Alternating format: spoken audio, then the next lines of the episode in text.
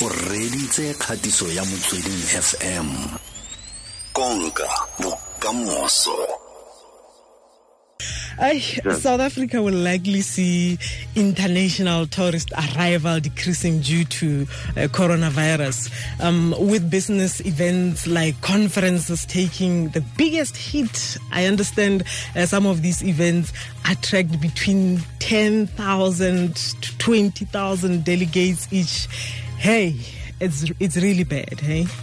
Yeah, yeah, no, it's uh, it is quite bad, but just to contextualize it, that this is a health issue Mm. to start off with. And therefore, the country has decided to really prioritize the health of our citizens before anything else.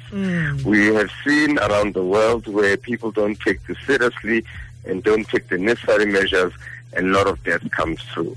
So the government has taken a view to rather act early and uh, be quite strict on managing all of this so that uh, the lives of South Africans can be preserved. Um, uh, government locally is consistently giving messages of assurance, uh, but reality might be a different picture.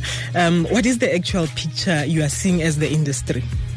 Well, the reality is that uh, this virus is uh, affecting the entire world.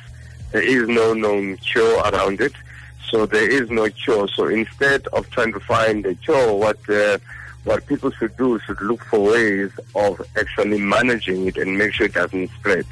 You know, uh, things like washing your hands, because we know that this virus spreads, you know, essentially quite a lot between your hands and your face. And it's also, you know, when you are close to people, they either they are coughing or spitting, it also transfers that way. Now, tourism is one of those sectors or industries which rely on many people moving around. So you can imagine either you're at a conference or you are in a train, in a bus, in a taxi, in an aeroplane. There are many people around. And you can imagine all it takes in a taxi of 17 people, as an example, for one person to have the virus. Then the entire taxi needs to be quarantined and cordoned off. Um, uh, is there is the industry fine, or maybe there's uneasiness amongst stakeholders? Uh, you know, the the whole value chain, including uh, travelers and tourists. It's going to be very difficult, to be honest with you. Um, international tourists are going to stop coming. Uh, travel bans have been issued against certain countries. So as from tomorrow, uh, you won't see certain nationalities coming to South Africa. Secondly, as well, because now the transmission of the virus is no longer from people coming overseas into South Africa, we are spreading it amongst ourselves. You're also going to see domestic tourism not happening that much. So you'll see a lot of hotels, you'll see a lot of tourist sites being virtually empty. Uh, you'll see aeroplanes flying into South Africa. They'll stop, you know.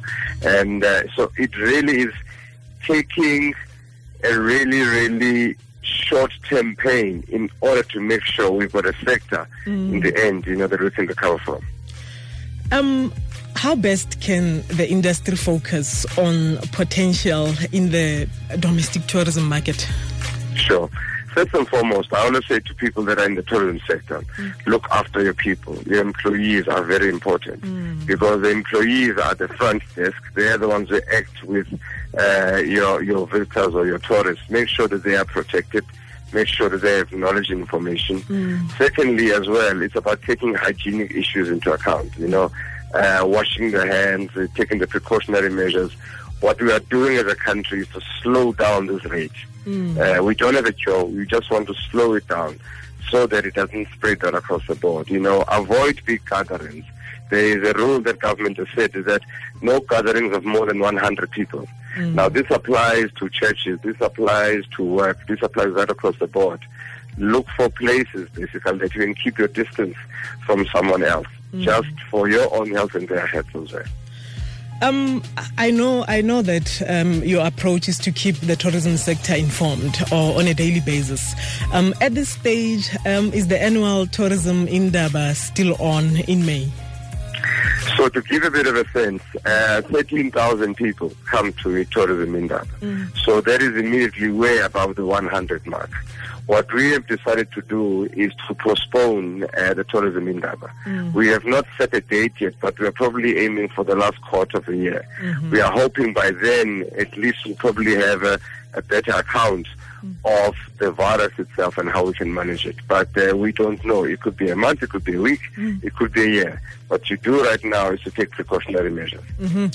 Um, Re Sisa Ntshona, thank you very much for your time, sir. Thank you, Mokopi. Much appreciated. thank you thank you very much ke re eh, sisantšhona ka mokgwa a di beileng ka gona gore eh, ba samagane jang le ntlha e mogare wa corona o e leng gore